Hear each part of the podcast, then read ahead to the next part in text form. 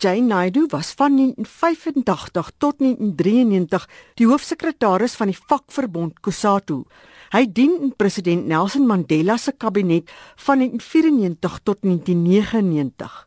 Naidu verduidelik in 1987 reeds COSATU se rol in die organisering van gemeenskappe wat later goud werd sou wees vir die ANC in verkiesings. With the declaration of the state of emergency in June 12th of last year, democratic organization was forced in the retreat. And in the resurgence of mass resistance, we've seen that COSATU has emerged as uh, one of the main vehicles through which workers are now expressing their aspirations, not only aspirations related to shop floor issues, but their broader political aspirations.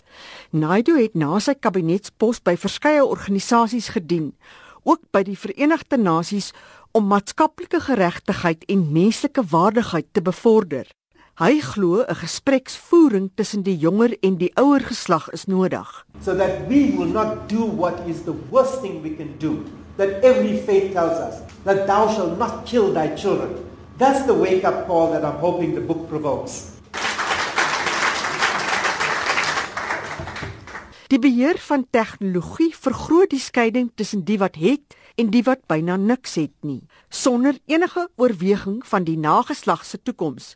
Volgens Naidu gebruik die mensdom reeds die hulpbronne van een en 'n halwe planeet. Technology is not the enemy. What we need to do is understand what is the role of technology in empowering community rather than disempowering them. Because that technological revolution has created the scenario where eight people, largely white men control more wealth than 3.5 billion people in the world, how can that be just? Naidu sê die groot gaping tussen die armes en die rykes sal nie oornag verklein nie.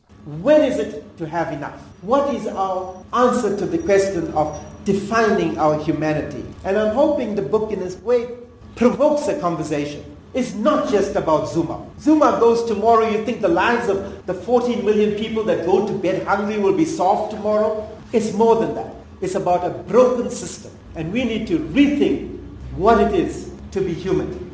Jay Naidu sê die tweets van die premier in die Wes-Kaap, Helen Zille, dat daar ook vooruitgang gevolg het as gevolg van kolonialisering, hou nie rekening met die pynlikheid van die proses vir die inheemses en die mense van kleur nie. Uh, Helen Zille, someone should confiscate her phone, actually.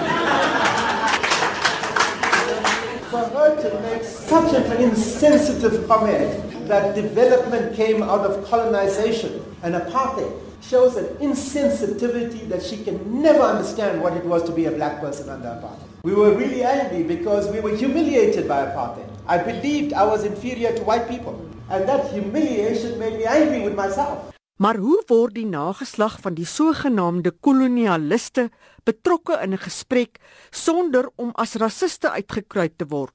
Naidu sê hulle is ook burgers van die land. We are the laboratory of the world.